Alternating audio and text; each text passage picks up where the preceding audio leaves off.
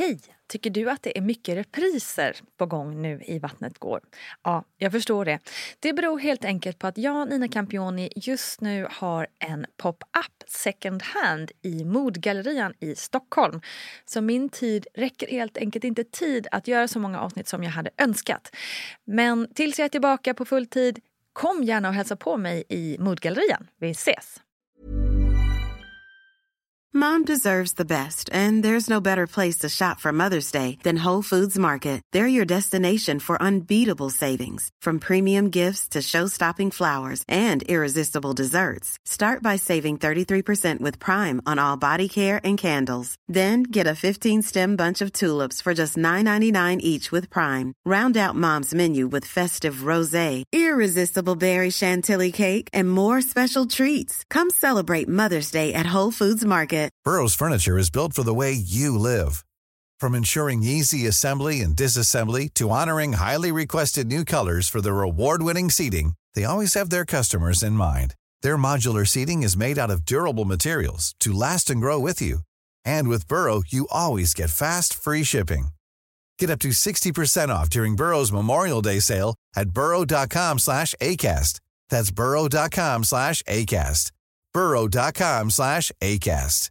Planning for your next trip? Elevate your travel style with Quince. Quince has all the jet-setting essentials you'll want for your next getaway, like European linen, premium luggage options, buttery soft Italian leather bags, and so much more. And it's all priced at 50 to 80% less than similar brands. Plus, Quince only works with factories that use safe and ethical manufacturing practices. Pack your bags with high-quality essentials you'll be wearing for vacations to come with Quince. Go to quince.com slash trip for free shipping and 365-day returns. Quality sleep is essential. That's why the Sleep Number Smart Bed is designed for your ever-evolving sleep needs. Need a bed that's firmer or softer on either side? Helps you sleep at a comfortable temperature? Sleep Number Smart Beds let you individualize your comfort so you sleep better together. JD Power ranks Sleep Number number 1 in customer satisfaction with mattresses purchased in-store. And now, save 50% on the Sleep Number limited edition Smart Bed for a limited time. For JD Power 2023 award information, visit jdpower.com/awards. Only at a Sleep Number store or sleepnumber.com. Goddagens, goddagens kära Vattnet går-lyssnare. Äntligen är din gravidpodd Vattnet går tillbaka efter sommarreprisernas förlovade land. Jag heter Nina Campioni och nu är det dags för ett rykande färskt avsnitt. Om det blir något fel och jag har mått så här och jag har behövt lida så här mycket. Du vet, jag, alltså jag kommer komma efter någon. Någon ska få sota för det här för att alltså det är inte okej. Ja, varmt välkommen ska just du vara, kära lyssnare, till ett nytt avsnitt av Vattnet går med mig, Nina Campioni. Vattnet går för er som är nya, ja men det gör det ju faktiskt för de flesta som föder barn förr eller senare. Så det är därför podden heter som den heter. För vi snackar ju om graviditet och förlossning här. Och såklart, även om det är huvudämnet så är det ju ett nytt liv som skapas av andra liv. Och det är liksom omöjligt att prata om en graviditet och en förlossning utan att ta in kvinnans liv, mående och upplevelse i berättelsen. Så låt oss ta in allt det där nu och välkomna veckans gäst som är influensen Tully Levi. Tully driver bland annat en podd tillsammans med en annan Vattnet går-gäst, Nicole Falciani. Och hennes story kan du höra om i avsnittet som heter 598. Men nu är det alltså fullt fokus på Tully. Och Tully, hon har två barn och nu ska vi få höra hur de kom till världen. Och vi går också in på det jävliga som är hyperemesis gravidarum, alltså extremt illamående. Och så snackar vi lite om kejsarsnitt, bland mycket annat. Varmt välkomna hörni.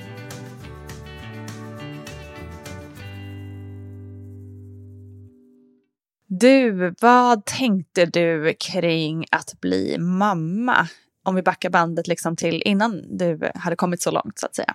Alltså, jag har ju typ aldrig sett mig. Vissa är ju verkligen så här, åh, eh, jag var ämnad att bli mamma. Jag har sett mig jag, eh, som att vara mamma hela mitt liv och mamma, mamma, mamma. Mitt liv har aldrig varit så. Jag har aldrig ens tänkt på, alltså jag tänkte så här, men jag kommer nog skaffa barn någon gång. Men absolut inte ägnat någon större tankekraft kring det. Eh, och sen blev jag faktiskt gravid 2016 med min kille då. Vi har varit mm. ihop i 13 år nu. Eh, mm. Och jag fick panik. Alltså fullständig panik. Det är första gången som jag kom i kontakt med eh, att bli mamma liksom på riktigt eller någonting kring det. Och ehm, Hur gammal var du då?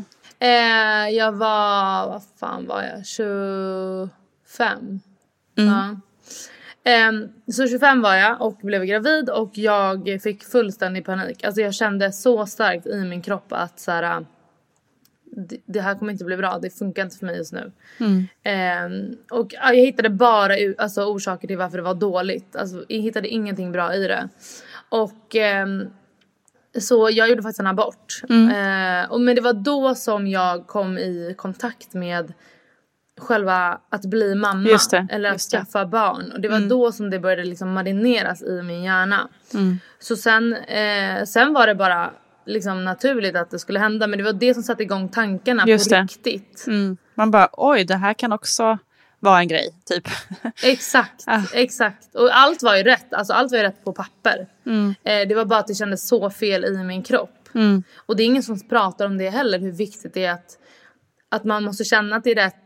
Alltså, alla vill inte ha barn, alla behöver inte skaffa barn utan det måste kännas rätt och man måste själv vilja det. Man ska göra det för Verkligen. någon annans skull. Verkligen. Det är, då, liksom, det är sånt man får så himla panik över under de här liksom, fruktansvärda nya lagarna som sker, eh, bland annat i USA. Liksom. Och, alltså, när man ser över världen. Tänk, alltså, fy fan, paniken att leva i ett land där man liksom tvingas till någonting som är så fel i sin egen kropp.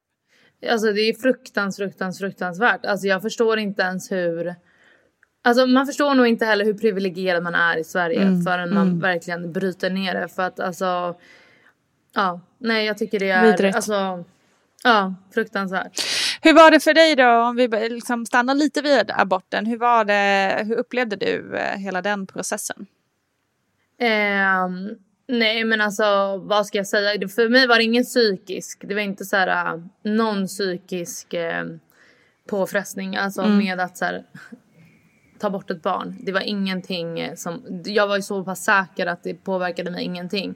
Men det var ganska fysiskt påfrestande. Det var mycket, man blödde mycket. Jag var sängliggandes och jag tycker typ inte man fick så bra eh, alltså stöd om, i, inom vården. Nej. De var såhär, nu får du ta tabletterna, hej då, lycka till, adios typ. Och jag bara, jaha, okej. Och sen var jag själv och sen var det lite komplikationer, allt kom inte ut och så då ville de ju- alltså du vet så här. Det var lite rörigt och jag var ändå ganska, jag hade ingen koll. Så jag lämnade hela min, liksom i deras händer. Så jag tycker det var rörigt. Men annars tycker jag liksom att så här, ja det är vad det är. Men jag mådde ju inte dåligt. När det var över så var det över för mig. Och jag har inte tänkt tillbaka en enda sekund på liksom vad hade hänt om. Utan det var ju så rätt för mig att inte ha ett barn där och då. Så skönt också, eller så viktigt också tänker jag att få vara, ehm, alltså oavsett om man är helt 100% säker eller inte, det, det låter jag ju vara osagt, men just att få sk- skönt att, att göra ett sånt beslut och vara så säker, att känna liksom, men det är inte rätt för mig och liksom känna sig själv i det ehm, och kunna gå vidare från det. Ehm, Ja, men framförallt tänker jag att så här, även om man inte är så säker eh, så har man tagit ett beslut som är genomfört. Då får man vara intala sig själv att man är säker. För att om man börjar grubbla, tänk om, det. det. är ju det här tänk om-tänket som är så Ja. jäkla farligt i alla avseenden. Och jag försöker verkligen, eh, jag har ju typ egentligen ett grundkatastroftänk eh, inbyggt. Och eh, det tänker jag med mina barn, jag tänker det med min mamma, jag tänker det med alla. Men jag har verkligen till och med gått i terapi för att försöka träna bort det. För att det Okej. är inte hälsosamt. nej. Man blir sjuk i huvudet av det. Nej, men precis. Det där, det där tänk om. Fasiken vad man eh, kan ligga vaken om nätterna mycket kring det. Liksom. Klokt insikt att, att det tjänar liksom ingenting till. Du, vi går vidare då. Eh, det här fröet satte sig lite att, att det fanns, fanns eh, i livet det här med barn tydligen. Upptäckte du? Ja men precis. hur hur, hur togs, togs den idén vidare så att säga? Nej men och sen gick det typ eh, men ett och ett halvt år och så blev jag gravid igen. Och då var det ju så, då, då var det ju så rätt. För då var det så här, jag var i Sverige, David var eh, utom, ja, här i Spanien. Eller jag behöver inte säga här. David var i Spanien, jag var i Sverige och så hade jag varit på Elgalan. Och eh, du vet, jag kände mig inte som mig själv överhuvudtaget.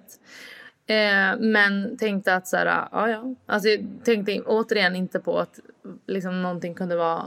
Eh, och jag eh, dag, var, drack så mycket, blev inte full och sen dagen efter vaknade jag upp och var sugen på en grapefruit. Så här.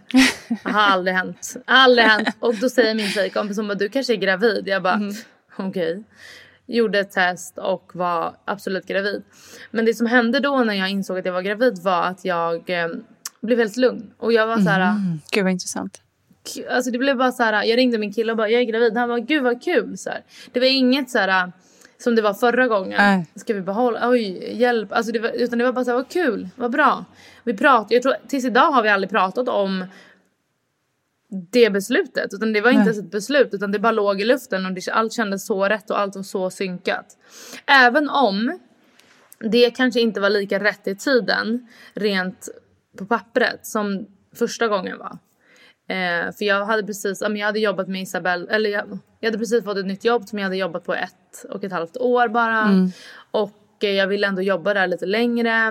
Men, eh, men det blev som det blev och det kändes ju ändå så rätt för båda mm. oss rent känslomässigt. Så att, Vad häftigt att det ja. kan bli sån, sån stor skillnad i, liksom inåt just som du säger. Det är inte omständigheterna där ute som, som gör hela skillnaden utan det är känslan där inne. Coolt alltså. Ja, men det är därför jag är så noga med att påpeka att så här, jag gjorde en abort och jag var, så, alltså jag var säker då men jag är ännu mer säker nu för att jag vet hur det kan kännas när det känns rätt. Mm. Och det är så viktigt och det är klart att man kan vara osäker och det är klart att man kan tänka att Eh, är det här rätt? Är det här bra? Liksom, har jag råd? Har jag... Alltså, alla parametrar som man tänker, det är bara naturligt. Men själva grundkänslan inuti ska kännas att jag vill ändå det här. Mm. Och det är jätteviktigt. Alltså jätteviktigt. Jag tycker verkligen det. För du, du, alltså hela ditt liv så som du vet det, det upphör sekunden du får barn. Mm. Så är det Det är en sån viktig grej. Ja. Fint, starkt, eh, stark insikt och viktig insikt. Hur mådde du sen som gravid? Skit. Alltså jag mådde så jävla dåligt. Mm. Eh, och ja, alltså som sagt så var ju min kille inte hemma första tiden så jag, jag minns att jag eh, låg i soffan och eh, min mobil hade laddat ur jag drack ingenting, jag åt ingenting för jag spydde så jävla mycket. Oh, och min mamma kom hem till mig då till slut och bara vad fan är det som händer? Jag bara låg i soffan, alltså min mobil hade laddat ur. Jag behövde inte kissa eller någonting för jag åt ju och drack mm. ingenting. Mm. Så hon kom och bara nej men herregud. Alltså, så jag fick flytta hem till min mamma. Och mm. jag mådde så dåligt. Men fy. Alltså jag vet inte ens, alltså jag vet, alltså Alltså är det ens kam? Alltså du vet jag förstår fortfarande inte hur dåligt jag mådde. Jag var Alltså från vecka typ 13 eller tidigare till och med kanske vecka 10 så var jag sängliggandes. Mm. Och jag åkte in hela tiden. Jag fick eh, dropp och mm. jag fick eh, eh, Ferritin. Alltså, kon alltså kontinuerligt. För att alltså, min kropp funkade inte. Och jag var bara såhär, gud hur kan det ens vara så att man, alltså hur ska det vara så att man ska vara gravid och må så här dåligt? Nej, men det är ingen exakt. logik i det. Nej. Usch. Ja, var, alltså det var hemskt. Började släppa sen efter vecka 10 eller satt, hängde det, det kvar? Det släppte ingenting. Nej, ingenting. Men jag gick tre veckor över tiden och de tre veckorna gud. mådde jag bra. Men gud, så att du gick hela graviditeten med det här illamåendet? Ja, jag mådde så, alltså, och jag kan inte förklara med ord. Det var, Nej. jag kanske en dag, alltså en dag i veckan i snitt eller en dag varannan vecka som jag orkade liksom göra någonting annat än att ligga i min säng. Mm. Alltså jag orkade inte ens kolla på mobilen. Jag låg i min säng, jag minns det så väl, i mitt flickrum. Nersläckt, eh, tyst och bara... Jag bara alltså, och då var det innan vecka 13. Mm. Fram tills vecka 13 är det ju... Vad är det? Efter vecka 13 är det 80% mindre missfallsrisk. Och du vet, jag låg varje natt och tänkte om det blir missfall då måste, alltså jag kommer, då, då, jag vet inte vad jag gör då. Om jag har mått så här dåligt. Mm. Och det var ju typ tre, fyra, eller nej det var vecka nio fick jag veta att jag var gravid. Så från vecka nio till vecka 13 gick jag och tänkte bara. Om det blir något fel och jag har mått så här och jag har behövt lida så här mycket. Du vet, jag, alltså jag kommer komma efter någon. Någon ska få sota för det här för att mm. alltså, det är inte okej. Så att jag hade så mycket ångest och du vet också så här som man inte är van vid. Att ligga i ett mörkt rum och tänka. Mm. Det är inte heller hälsosamt Nej. alltså. För att alltså Nej, så det var hemskt. Men tack gud att jag hade min mamma. Alltså hon tog hand om mig som att jag var ett magsjukt litet barn. Och du vet, spydde. Mm. Jag spydde överallt. Alltså jag hann typ inte ens till toan. Alltså mm. det var bara... Helt sjukt. Alltså, på, när jag var på sjukhuset jag spydde i papperskorgar. Tack gud att det inte var covid. För då var folk inte så känsliga. Nej, just det. Men, men, liksom, gud, men fick alltså, du, fick du den här liksom, diagnosen hyperemesis gravidarum eller vad det heter nu? Ska jag bara ja, jag det. fick det. Men jag tyckte också, vet du vad jag tycker att... Eh, jag tycker att... Eh, fan, jag är så besviken på, på sjukvården. Mm. Alltså, båda mina graviditeter. Jag tycker inte att jag har fått den hjälp jag fått. Jag tycker inte folk är lyhörda. Jag gick på en barnmorska mot, eller jag gick på en mödravårdscentral som jag träffade inte en enda barn, alltså samma barnmorska mer än två gånger. Nej. De bytte och det var hit och dit. Och varje mm. gång, jag, låg, alltså jag låg som en blöt pöl mm. på deras skrivbord. Mm. Och då var jag tvungen att dra om hela historien. Mm. Jag var tvungen att berätta om hur dåligt mår du egentligen? Man bara, jag ligger här. Jag gick bara ner och ner i vikt. Och eh, jag behövde gå till... Alltså den enda personen som fanns där för mig var min läkare. Mm. Hon var otrolig. Men alla barn, alltså barnmorskor, allt sånt där. Fy fan. Alltså förlåt men alltså jag jag, de, nu i efterhand tycker jag också, för jag, det kändes som att jag var så ung i min hjärna då. Jag var inte, mm. stod inte på mig på samma sätt och jag var bara liksom ett offer typ. Så jag kan bli ja, men så hur lätt är det att stå på sig när man mår sådär skit också? Det har man ju inte så mycket kraft till liksom. Nej men såklart, men också att man inte vet vad man typ har rätt till eller vad man Nej. får eller hur det ska kännas, hur det kan kännas, hur det kan vara. Men alltså du vet, jag tycker bara så jävla synd om mig. Så nu om jag har någon som, alltså som Ja, men oavsett vad det är, då är jag såhär, vet du vad, du måste stå på det. Säg det här och det här och det här. Eh, för mm. att alltså man har rätt till att få underlättning när man är gravid. Mm. Det är jobbigt som det mm. är. Mm. Verkligen. Ja, så det var fruktansvärt. Alltså verkligen. Men, fy. men alltså, nu hoppar jag lite här bara för att, men var det samma under andra graviditeten? Eh, jag mådde inte lika dåligt. Okay. Eh, mm. Men jag mådde jävligt dåligt och jag tror att det har att göra med att jag har ju, hade en dotter sedan innan. Så då kunde jag inte ligga i sängen på samma sätt. Mm. Eh, men det fanns absolut dagar då jag bara, jag kommer inte kunna gå hemifrån. Så jag fick ringa, eh, vi bor verkligen två minuter från förskolan. Jag fick ringa en kompis och be henne ta med Elle då, min äldsta dotter och komma och lämna henne för att jag kunde liksom inte mm kunde inte. Mm. Alltså, hur, jag, men man mm. kämpar så mycket mer när man redan har ett barn. Så, ja, det är så lättare så är att bita verkligen. ihop då. Mm. Men jag mådde inte lika dåligt, men jag mådde absolut dåligt. Och då visste jag också, förlåt, men med andra graviditeten då visste jag att så här, då åkte jag in och jag bara, jag behöver dropp. Just det. Okej, de satte in det. De ja. satte in det på en sekund. Ja. Men med eld, då var det så här, men vi behöver ta test på det här och här och det här. Nej, nej. Mm. Vi kommer inte ta något test. Ni sätter in dropp för jag vet att det är det jag behöver. Mm. Eller ni gör det här för jag vet att det är, jag visste så mycket mer. Och det gav mig liksom en styr, inre styrka att stå på mig. Och det är, så, det är verkligen ett öppet meddelande till alla där ute som om ni känner i er mag, alltså mage att ni behöver någonting eller att något är fel att ni behöver stå på er för ni ska få hjälp. Mm. Det är så, så viktigt. Verkligen. Forskas det något överhuvudtaget på det här med hyperemesis gravidarum eh, och saker som kan underlätta för kvinnan som mår riktigt, riktigt illa? Ja, nej, det här har jag verkligen kollat upp både med, med de som jobbar i branschen, på läkarna och bland barnmorskor och letat. Och det känns inte som det är någonting som man är så himla mycket och forskar på utan man bara har konstaterat att det här är från det vanliga graviditetsillamående som vi kallar, kallar det för till, till hyperemesis, alltså där kvinnan då inte kan i princip få behålla någonting så att, och som blir då ett allvarligt eh, tillstånd. Och vad man nu, nu ska eh, göra kring det här, det är väl till att börja med att, att eh, så vet vi att det här att på morgonen att äta någonting lätt i alla fall och inte kliva upp och sedan småäta under dagen och så vidare. Så att det, det är väl bra. Man vet också att mot sånt här illamående så ger man vitamin och B6 eller det finns olika vitaminer som, som man kan ge då i tablettform eller injektionsform. Alltså det finns ju inga studier som visar på om det är bra eller inte och eh, hjälper det så hjälper för det är ingenting som är farligt. Eh, sen så vet vi också att vi har åksjukebandet mot illamående.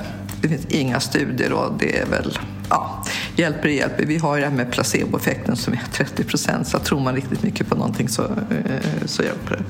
Däremot akupunktur vet jag många kvinnor har haft bra hjälp av måste jag säga. Faktiskt som jag var väldigt skeptiska till att börja med men jag har nu träffat fler. Sen är ju de här kvinnorna då som verkligen inte får behålla någonting och då ska man ju söka hjälp hos sin barnmorska på, på sin barnmorskemottagning som kommer med de här olika råden. Men är det annars så blir man ju inlagd på sjukhus. Och på, då blir det på en gynekologavdelning som man ligger och där man får då transfusion med vätska och näring och sådana saker som man behöver. Men det här är ett väldigt tufft tillstånd så att säga. Det är viktigt det här att man har koll och söker hjälp i god tid och inte väntar tills man är helt uttorkad och så vidare. Men borde det inte vara, och nu frågar jag efter din personliga åsikt. Eh, man tycker, jag hör ju ofta i det här att det är väldigt många som mår väldigt, väldigt illa. Eh, borde man inte tycka att det kan finnas ett intresse att hitta någonting, ett litet piller eller något som kan hjälpa? Ja, det finns ju, finns ju läkemedel som man ger också. Typ, men då, då är det åksjuketabletter, typ Postafen eller Lagegancom som, som man ger. Nej, man har inte hittat någonting. Och sen är det ju alltid svårt det här när, i samband med graviditet vad man kan ge för någonting eftersom man är ju inte, inte bara kvinnan utan man har ju också det här barnet som man väntar som man måste ta hänsyn till. Så. Sen kan man diskutera, ja men ändå borde det forskas ännu mer på absolut, självklart så borde det göras det. Mm. Det var det jag var ute efter.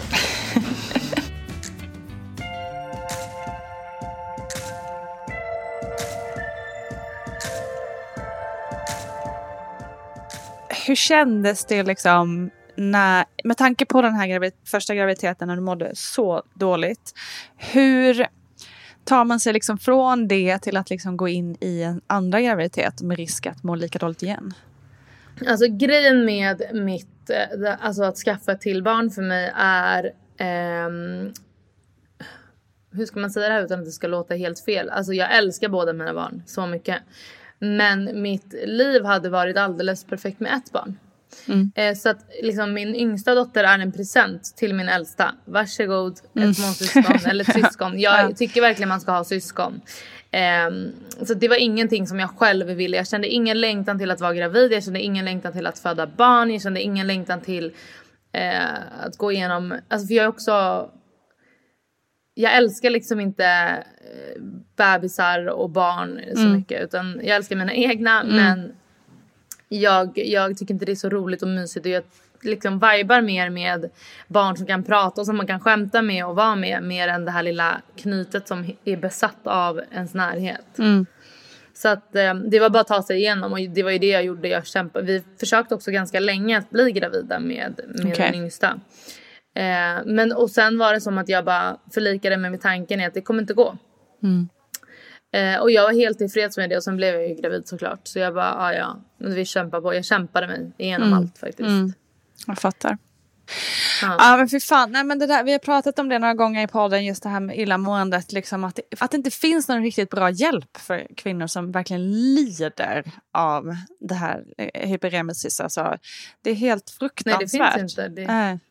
Det är helt sjukt. Och jag menar till slut, alltså det är också en lång tid. Det är inte det är så här, en veckas magsjuka utan det är alla de här månaderna, eller ofta flera veckor. Mm. Och då är det också så här, ibland, alltså man får ju mörka tankar. För mig var det så, jag bara, alltså till slut, alltså du vet, bara må illa, vara svettig hela tiden, känna att det kryper i skinnet. Alltså så här, inte kunna äta någonting, inte kunna göra någonting. Och också det här med att spy. Det är inte mm. så jävla roligt att spy som en jävla fontän vart mm. du än är och var du än är. Och det är ju bara magsyra. Mm.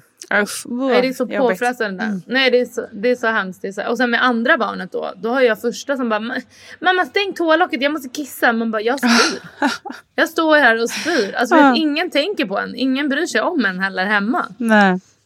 Nej, Usch, det är, är tungt. Alltså. Jag, fattar. Usch. Eller jag fattar men fattar inte. Det är svårt att sätta sig in om man inte själv varit med om det. Men eh, man, ja. man, kan föreställa sig. Usch. Mm. Nej, det är hemskt.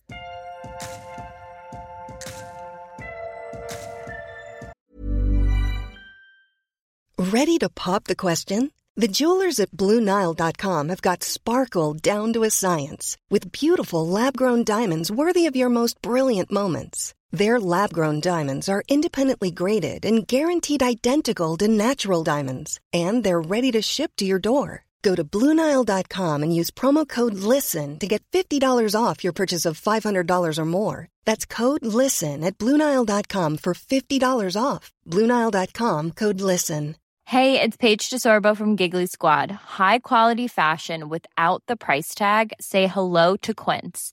I'm snagging high-end essentials like cozy cashmere sweaters, sleek leather jackets, fine jewelry, and so much more. With Quince being 50 to 80% less than similar brands. And they partner with factories that prioritize safe, ethical, and responsible manufacturing. I love that. Luxury quality within reach. Go to quince.com slash style to get free shipping and 365 day returns on your next order. Quince.com slash style. Hold up. What was that? Boring. No flavor. That was as bad as those leftovers you ate all week. Kiki Palmer here, and it's time to say hello to something fresh and guilt-free. Hello Fresh. Jazz up dinner with pecan-crusted chicken or garlic butter shrimp scampi. Now that's music to my mouth. Hello Fresh. Let's get this dinner party started. Discover all the delicious possibilities at hellofresh.com. Hiring for your small business? If you're not looking for professionals on LinkedIn, you're looking in the wrong place. That's like looking for your car keys in a fish tank. LinkedIn helps you hire professionals you can't find anywhere else, even those who aren't actively searching for a new job but might be open to the perfect role. In a given month, over 70% of LinkedIn users don't even visit other leading job sites. So start looking in the right place. With LinkedIn, you can hire professionals like a professional. Post your free job on linkedin.com slash people today. A lot can happen in three years, like a chatbot may be your new best friend. But what won't change? Needing health insurance. United Healthcare Tri Term Medical Plans, underwritten by Golden Rule Insurance Company, offer flexible, budget friendly coverage that lasts nearly three years in some states. Learn more at uh1.com. Du, fanns det då, jag gissar att du liksom längtade efter att det skulle bli förlossning någon gång, att det skulle liksom ta slut någon gång. Det gör man väl alltid. Så här, med första barnet i alla fall. Så här, vad spännande, hur ska det här komma igång? Vad ska hända? Men det var för mig också återigen en endaste stor besvikelse. Min, mm. min första förlossning. För eh, jag skulle bli igångsatt. Jag gick mm. som sagt tre veckor över tiden. Mm. Är det ens lagligt? Nej. Nej, varför blev det så lång tid då? Jag ska berätta. För att jag skulle bli igångsatt. Och för jag var ju också så jag mår skit. Om, om man mår skit, ska man inte bli igångsatt lite innan då? Eller liksom så här. Ja exakt, det låter ju mer rimligt. Nej nej nej. Här var de så angelägna om att det skulle komma igång av sig självt.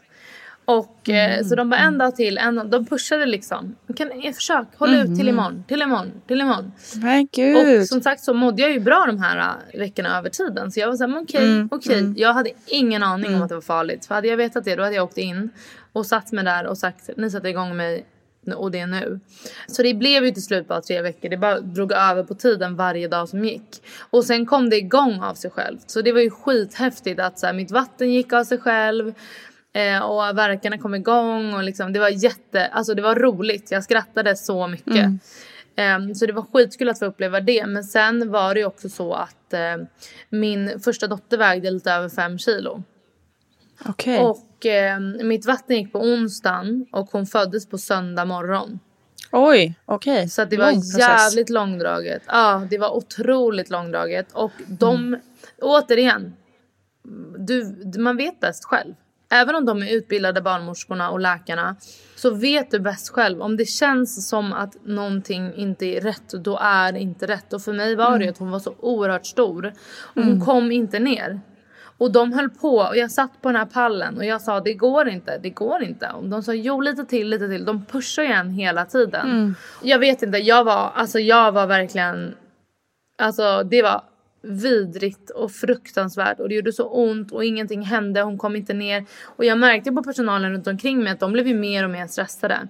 Mm. Och det påverkade ju mig och eh, jag kunde inte äta någonting då för jag mådde ju så jävla dåligt. Och eh, och sen när hon kom ut då till slut så var det ju, alltså det var ju typ sju läkare i rummet. Stod runt mm. mig. Alltså det var en barnläkare, en vanlig läkare, en barnmorska, en övermorska, en undermorska. Alltså det var allt möjligt. Mm. Och eh, så kom hon ut och då bad ju alla bara oj när hon kom ut. Oj. Att hon var stor? Oj, ja. Mm. Och eh, såklart så hade jag ju varit öppen så pass länge så att min ehm, eh, moderkaka, alltså där den har suttit, var helt eh, men det drog inte det stängdes inte igen. Ah, okay. Så jag blödde ju, hela min mage fylldes med blod. Mm. Och de trycker ut det här blodet och eh, det sprutade ju överallt. Alltså det var ju som en skräckfilm. Och då eh, frågade läkaren vad är det som händer? Och då sa hon eh, du blöder kraftigt, vi gör vårt bästa. Men och då var jag såhär, vänta, kommer jag dö nu också? Ja. Och då var jag också såhär, vem fan säger att, att vi gör vårt Säg såhär, det, det blir bra. För även om jag Mm. kommer dö så kan jag väl få tro att allt är okej i fem minuter eller vad det handlar om. Mm. Så allt sköttes så jävla dåligt. De la, ehm, Elle heter hon då, min äldsta, på min fam, äh, på mitt bröst och jag var bara så här. Fem kilo, ta bort det här nu. Alltså jag kan inte ens andas som det är. Nej. Så jag fick be dem ta bort henne. Då skickade de eh, Elle och David till frukostrummet. Och hon Okej. var fem minuter gammal. Men Så han konstigt. satt, och han har ju aldrig hållit i en bebis i hela sitt liv. Men där sitter han. Ja men där sitter han i frukostrummet. Och tror typ att du är på väg att dö eller? Absolut, för han såg ju folk springa ut och in med blodiga förkläden. Och, men också så här, snälla i frukostrummet. Sätt dem i korridoren heller. Mm. Alltså det är ju inte trevligt. Hon var helt nyfödd. Hon var ju fortfarande liksom... Men hade gud de vad konstigt. alltså så här- ja det låter Ja. jättekonstigt. Nej det var så hemskt. Alltså det var så dåligt organiserat och alltså allt var fruktansvärt verkligen. Mm. Jag har ingenting bra att säga för sen var det också så kom de här mackorna och jag bara men vad kul. Nej då behövde vi byta rum och då hängde inte mackorna med till nästa rum. Alltså du vet allt var så rörigt, allt var så Mm. dåligt. Eh, de som jobbade där var ju duktiga på sitt jobb. Mm. Men jag kände liksom ingenting. Ingen lyssnade på mig. Ingen hade någon alltså hänsyn till hur kanske jag ville att saker skulle vara. Eller hur man kan tänka att man själv vill att saker ska vara.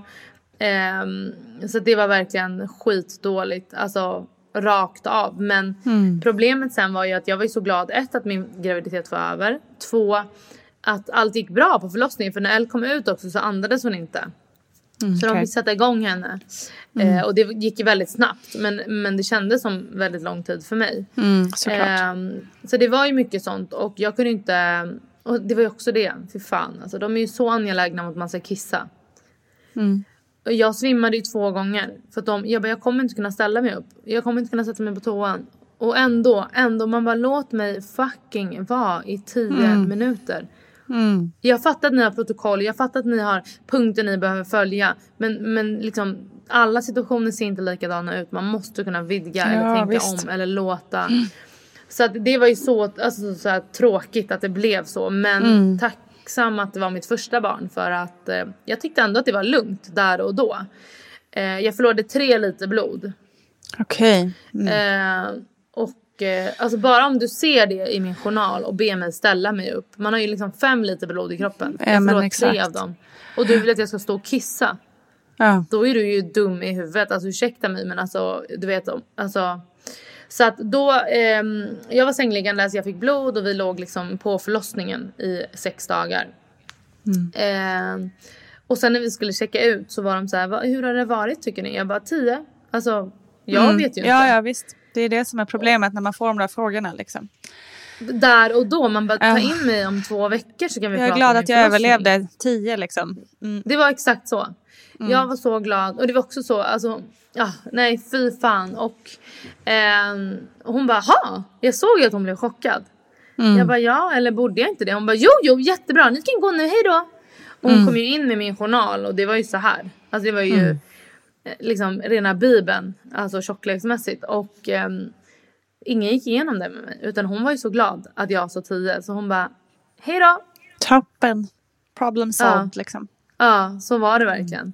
Mm. Och sen i, och jag var så här, ah, ja, och så pratade jag lite med folk och jag märkte ju att så här, ah, det verkar inte som att min förlossning var toppen men alla förlossningar kan ju inte vara toppen. Jag fattar ju också att så här, de har påtryckningar från andra håll ur ekonomiskt perspektiv, ur protokollperspektiv. Så jag bara, ah, ja. Det var väl ingen grej. Alltså, jag är ju lite så också. Jag har ganska starkt psyke och jag är ganska liksom så här, ah, ja. It, it's all good now. Skitsamma verkligen. Mm. Mm. Eh, men sen kom jag ju då tillbaka till min mödravårdscentral. Min otroliga mödravårdscentral som jag aldrig sätter min fot i igen. Och då skulle hon ta cellprov. Och jag sydde 12 stygn då alltså. Okej. Eh, hon spräcker upp mig. Oh. Ja. Och det var, alltså du vet jag bara, nu räcker, alltså du vet då är jag så här. Alltså du vet jag bara vad, Men gud. ja, ja. Och hon bara oj, man bara oj, oj. Mm. Alltså för det är också nära inpå. Det var några veckor, eller någon vecka efter att jag hade fött. Alltså fyra veckor kanske efter jag hade fött barn. Mm. Eh, och det gjorde så jävla ont. Jag kommer bara ihåg att jag var så här. Nu orkar inte jag någonting mer. Alltså ring Nej. mig och säg att jag kan se. Jag kommer inte komma in. Jag kommer mm. inte komma in en endaste jävla gång till. Någonsin till någon jävel inom liksom mödravård.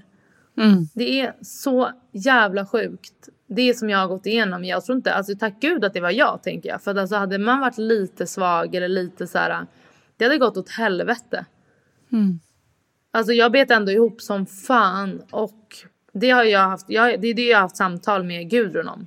Mm, jag förstår. Och hon, hon har ju verkligen eh, det var det, hon gav mig en sån styrka. För jag hade det inför min andra förlossning då. Eller inför min andra, äh, i min andra graviditet hade jag ett samtal med henne och vi gick igenom min förlossning. Jag kan bara flika in att Gudrun Abascal, alltså vår kära expert här i podden, eh, har alltså samtal kring förlossningsrädsla, trauman och så vidare. Eh, för att liksom, ja, skapa stöttning.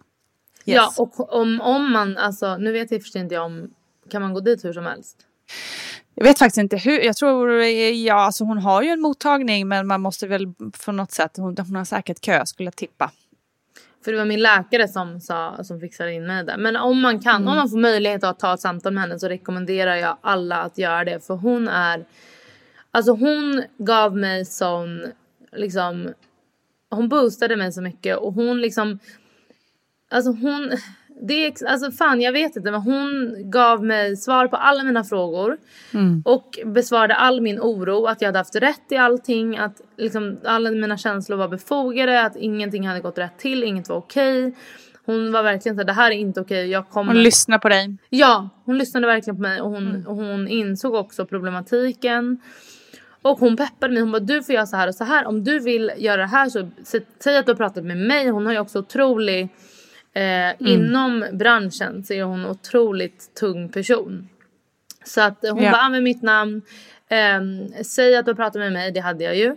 Be dem ringa mig, alltså jag kan ringa dem. Och bara liksom ha en person som liksom mm. säger det till en. Det är så här, mm. Mm. Det är ju ovärderligt. Och det gav mig en sån styrka. Mm. Så att min andra förlossning, eller min, inför min andra förlossning så gick jag på massa samtal. Jag var inne på att köra kejsarsnitt. Eh, och jag pratade lite om det med Gudrun också och eh, var på lite samtal och du vet de här samtalen som jag var på. Det var jag som ägde dem. Det var ingen som satte sig på mig. Det var mm. ingen som sa åt mig. Om, om jag vill ha kejsarsnitt, jag kommer ha kejsarsnitt. Om jag vill föda vaginalt, då kommer jag föda vaginalt. Om jag vill bli igångsatt, då kommer jag bli igångsatt. Och det var den inställningen jag gick in med. Och eh, jag bara, jag kommer inte gå härifrån förrän jag har fått det jag vill. Vi kan sitta här. Vi behöver inte prata ens. Mm. Men jag kommer mm. inte acceptera en enda misslyckad förlossning till. Alltså aldrig i mitt liv. Och eh, så det blev som jag ville. Jag blev igångsatt fem dagar innan med min andra. Mm. Eh, och den förlossningen var på riktigt 10 av 10 även fast jag inte hann få eh, epidural. Men eh, den var 10 av 10 och eh, om, om det är så förlossningar går till så förstår jag att folk längtar till sina förlossningar eller älskar förlossningar och eh, älskar att föda barn. För det var något, alltså jag promenerade in, vi bor precis bredvid eh, Karolinska och det var där jag födde mitt andra barn. Och eh, jag promenerade mm. in och promenerade hem och det tog inte ens 24 timmar hela liksom grejen. Wow, vilken jävla skillnad. Det var sån otrolig skillnad och det gjorde mig också så ledsen att så här, det blev som det blev med min första. Mm. Men det är mm. ingenting som jag på något sätt eh, är ledsen över nu. Det blev som det blev och min andra blev som det blev. Nu har jag fått vara med om båda. Eh, skitkul, skithäftigt och eh, det är, alla mår bra och det är verkligen det som är huvudsaken. Så klyschigt men mm. sant. Men också så viktigt att du alltså, kunde få tid att bearbeta den första för annars hade man nog kanske inte känt så idag att du har liksom lite släppt det. Eh, eller vad tror du? Alltså det som 100% fick mig att bearbeta det var inte tid eller någonting. Det var Gudrun. För att ingen besvarade. Ja, liksom. det är det jag menar. Ja, ja. Mm. Och ingen, jag känner mm. liksom inte att någon, alltså, för jag bytte då mödravårdscentral till mitt, med mitt andra barn obviously. Men mm. de var också så här, mm. jag kände typ inte att de förstod mig. Jag kände inte att någon förstod mig tills jag träffade Gudrun. Um, och det var så viktigt. Jag tror att det är så viktigt också att man hittar någon. Det behöver inte vara en alltså barnmorska. Det behöver inte vara eh, någon i teamet liksom. Det kan vara vem som helst som har lite tyngd som kan liksom bekräfta det du känner. För det räcker med det. Mm. Faktiskt. Verkligen. Ja, men också sådär, alltså fasen att, att ingen gick igenom din journal där också i det läget efter det är ju helt vansinnigt. Liksom. Ja, Ska man gå runt och undra varför det ble, vad hände egentligen och var, varför blev det så här? Och liksom, man har ju ingen aning, herregud. Nej, men det är det jag menar och tack och lov så är inte jag en ältare så jag, jag tänkte inte så mycket på det. Men jag menar bara hade det varit någon annan så hade man ju, Mm. alltså det är konstigt att jag inte Mm. fick någon depression eller någonting efter. Ja, exakt. Men, eh, verkligen. Nej, är ett, nej, men ett jag- under liksom. Ja men jag menar det. Så jag menar bara att Mm. så här, är man en tänkare eller vill man ha svar på mycket frågor så här, det finns typ inte alltid att få det tyvärr. Nej. Men jag tänker också det här liksom bara det att din dotter vägde fem kilo. Det borde man ju också ha kunnat veta på Nej, förhand. men liksom. Det är så sjukt. Lyssna. Jag, alltså, jag var på alltså, ultraljud en gång i månaden. Mm. För att de var oroliga för att jag spydde så mycket. Det är en liten Mm. bebis, den är långt under medel. Oj oj oj, hej och hå, hej Mm. och hå. Och det värsta av allt, för då gick jag ju tillbaka och bara jag vill ha eh, utdrag på alla ultraljud. Mm. Oj, de är borta, de går inte att få tag i. Ja, vad Va? konstigt. Vad konstigt att, inte, att det har försvunnit ur systemet. Va? Men gud, va? Vad Ja. sjukt. Det är ju för att alltså jag, jag fattar. Jag vet att de vet att de har gjort fel. Jag vet att de insåg att det var Mm. problem. Och jag sa ju, jag var ju så jävla arg när jag gick dit. Jag, jag, bara, jag kommer vända upp och ner på hela det här stället. Ge mig de här uh, ultraljudsbilderna. Mm. Och då var det så här. Två första gångerna var det systemet låg nere, nere, hit och dit. Och sen sista gången de bara allt är borta, det går inte att få tag i. Nej. Eh, och då var jag så här, ja. Det här låter ju helt sinnessjukt. Ja, det är helt sinnessjukt. Så oproffsigt, så dåligt.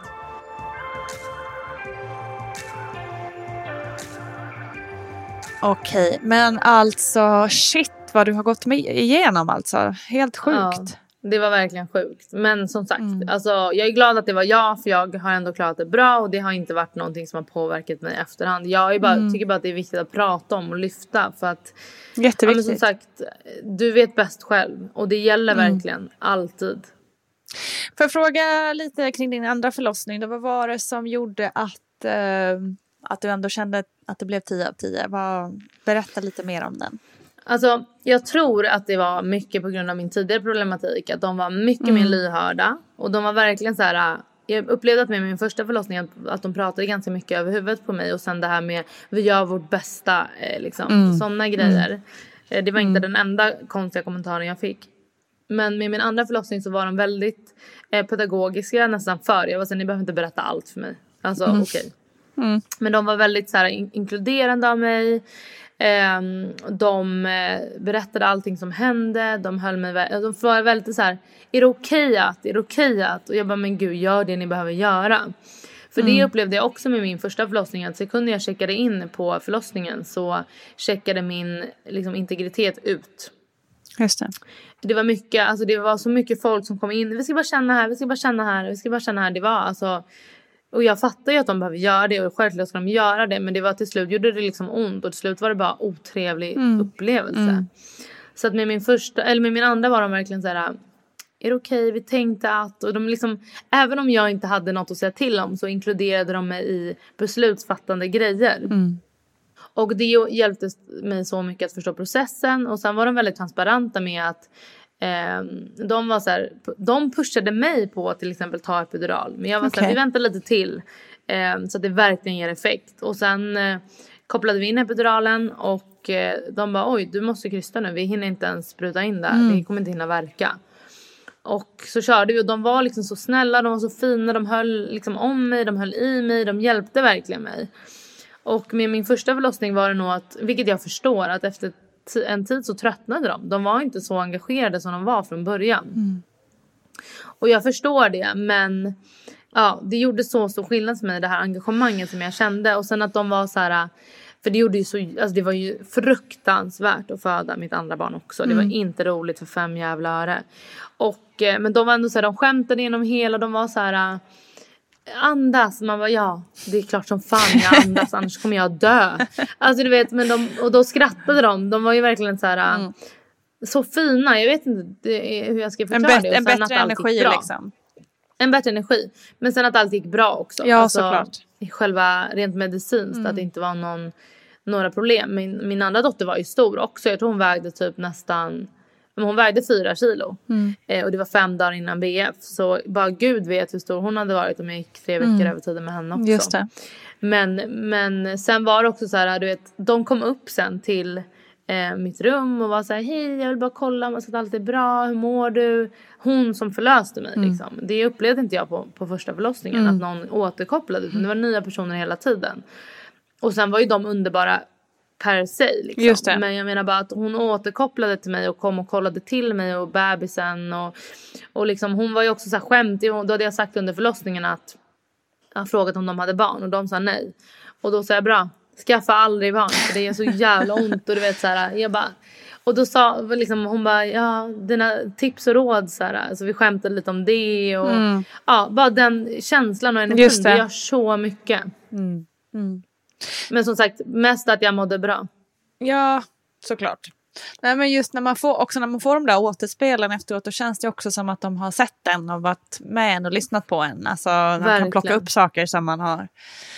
Ja. Verkligen. Ja, men, men vad härligt, men känns det liksom Kändes det som någon slags revansch eller fick du den typen av känsla eller var du mest bara liksom tacksam och bara åh, äntligen liksom? Eller? Ja, nej jag var tacksam. Alltså jag var bara så här, vad skönt att, alltså vad kul, alltså snarare kul att få uppleva en vanlig, för, alltså en bra Mm. förlossning.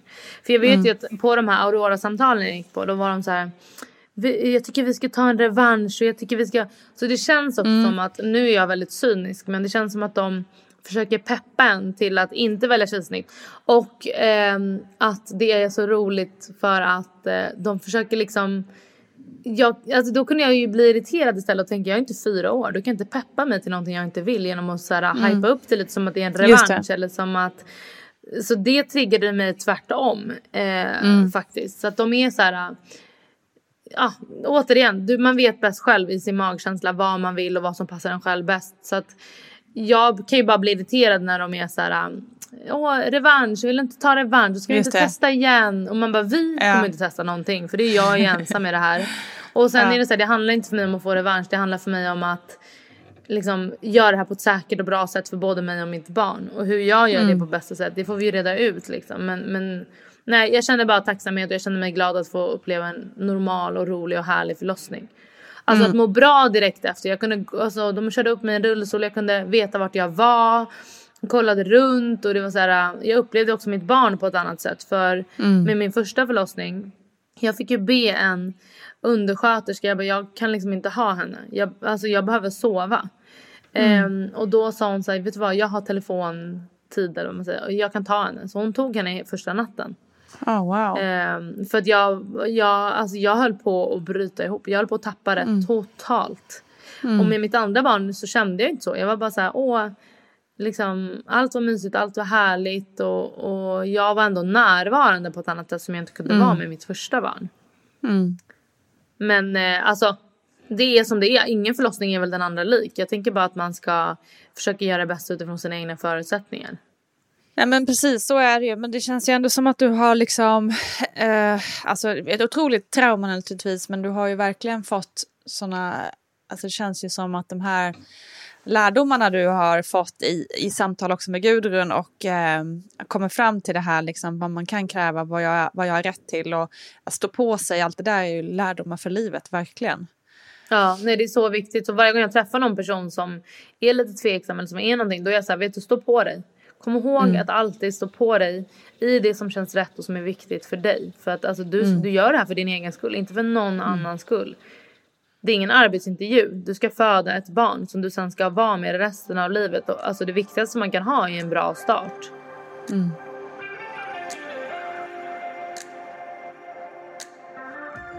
Jag blir så alltså, eld och lågor av sånt här för att jag tycker att så här, jag tycker inte att det ska kunna vara, finnas fall mellan stolarna eller såna här de, det är. Sverige 2023 nu då. Exakt. Det är inte, Exakt. jag hade ju en sköterska som bara, ah, eh, hon hade fött barn i Iran för 30 år sedan. Mm. Hon bara, då hade jag ingen Mm. bedövning, det var bara en liten bänk. Det är exakt så jag kände med min första förlossning. Mm, mm.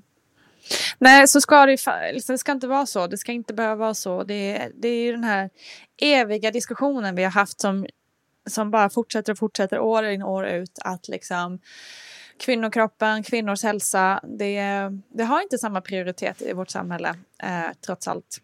Nej. Eh, och det är full, 100% vidrigt att det ska vara så. Ja. Nej det är verkligen fruktansvärt. Det är det som är så roligt för hade alltså, män fött barn. Mm. Men det hade varit så bra ordnat. Allting. ja visst. Ingen hade haft ont någonstans kan jag säga. Nej, Ingen hade behövt må exakt. illa för det första. Nej. Nej. Exakt.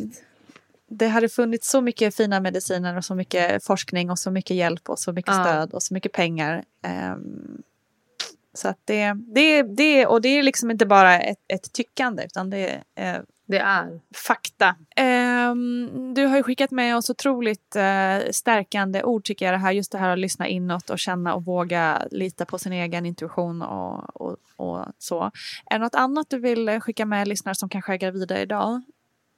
Nej, alltså, nej, alltså men nej, jag tycker verkligen som sagt att man ska bara känna efter och alltså att alltså den här den perioden man går igenom när man är gravid, det är en så viktig period också på något sätt för att man alltså det är så viktigt att man prioriterar sig själv för det är verkligen sista tiden innan slutet på allt. Nej, men inte slutet på allt, men innan innan du liksom Eller början på allt. Ja, men början på ditt nya liv där liksom Ja. man inte prioriterar sig själv alls. Och det är väldigt omvälvande. Alltså man kan inte ens förbereda sig för att få i alla fall sitt första barn. Mm. Det är eh, så... Hela ens värld vänds upp och ner och ingenting är viktigt längre. Så att jag tycker Mm. verkligen att man ska försöka njuta. Jag, jag önskar typ att även om jag var så dålig som jag var med mitt första barn så önskar jag att jag hade ja, men kanske styrt upp mig lite och gjort, alltså njutit lite mer på andra sätt. Men jag vet inte hur. Men, men jag kanske borde hyrt en rullstol och åkt lite rullstol, alltså blivit skjutsad runt någonstans i, utomhus, Ja. fan vet jag. Ja. Men Ja. eh, små saker som, som kan göra att man njuter. Men det är som sagt, som du säger, det är svårt det där att inse vad det är. Alltså för, inför sitt första barn är det helt omöjligt att föreställa sig hur det kommer kännas efteråt. Ja. För det är precis som Ja. du säger, ett före och ett efter. Ehm, och det, är- jag minns också att när jag var gravid först, alla bara så här, "Ah, gå på bio och gör det här, saker som du aldrig kommer göra sen. Och man bara, vadå aldrig kommer göra sen? Vad, liksom, vad Mm. snackar du om? Eh, och, men det är, det är så svårt att, att föreställa sig hur det kommer vara och hur man liksom kommer förändras och gå upp i, i ett annat liv. Exakt, men det är ju underbart. Alltså nu är, är också när jag är häftigt, mamma. liksom. Ja, men jag tänker bara hur kan jag tänkt att jag alltså att jag inte primärt ska vara mamma för det är Mm. under under underbart. Alltså det är det bästa Mm. jag vet. Mina barn är det bästa jag vet. Jag, alltså jag väljer dem före allt, före min kille, före allt. Så är det ju. Mm. Grymt! Tusen tack! Tack själv att jag fick komma och Så gästa. härligt snack, viktigt snack. Tusen tack Tully Levi, så fint att höra din historia. Vill du så kommer det mer med Tully på torsdag då vi kommer djupdyka i hur livet som förälder ter sig. Skicka mig gärna ett DM på Insta om det är någon gäst som du är nyfiken på att höra. Vad händer sen liksom? Det kanske finns någon som har varit gäst tidigare och som ni vill höra igen. Stort tack för dig som har lyssnat. Tipsa gärna en kompis om podden, det vore magiskt. Och missa inte att det också finns en fantastisk mammagrupp på Facebook där vi stöttar varandra. Och så finns ju såklart Vattnet går på Insta och TikTok också förstås. Ha det bäst tills vi hörs igen. Stor kram, hej då!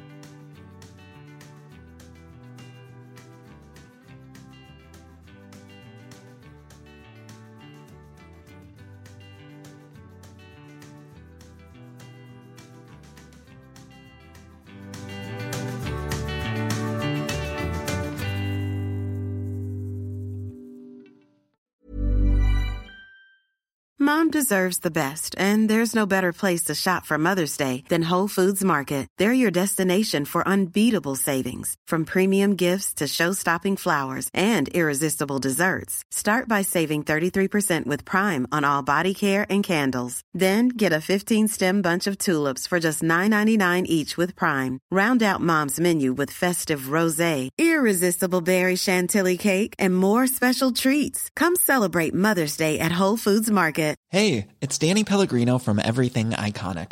Ready to upgrade your style game without blowing your budget? Check out Quince. They've got all the good stuff shirts and polos, activewear, and fine leather goods, all at 50 to 80% less than other high end brands. And the best part? They're all about safe, ethical, and responsible manufacturing. Get that luxury vibe without the luxury price tag. Hit up quince.com slash upgrade for free shipping and 365 day returns on your next order. That's quince.com slash upgrade. Hey, it's Paige DeSorbo from Giggly Squad. High quality fashion without the price tag. Say hello to Quince. I'm snagging high-end essentials like cozy cashmere sweaters, sleek leather jackets, fine jewelry, and so much more. With Quince being 50 to 80% less than similar brands. And they partner with factories that prioritize safe, ethical, and responsible manufacturing. I love that. Luxury quality within reach. Go to quince.com slash style to get free shipping and 365-day returns on your next order. quince.com slash style.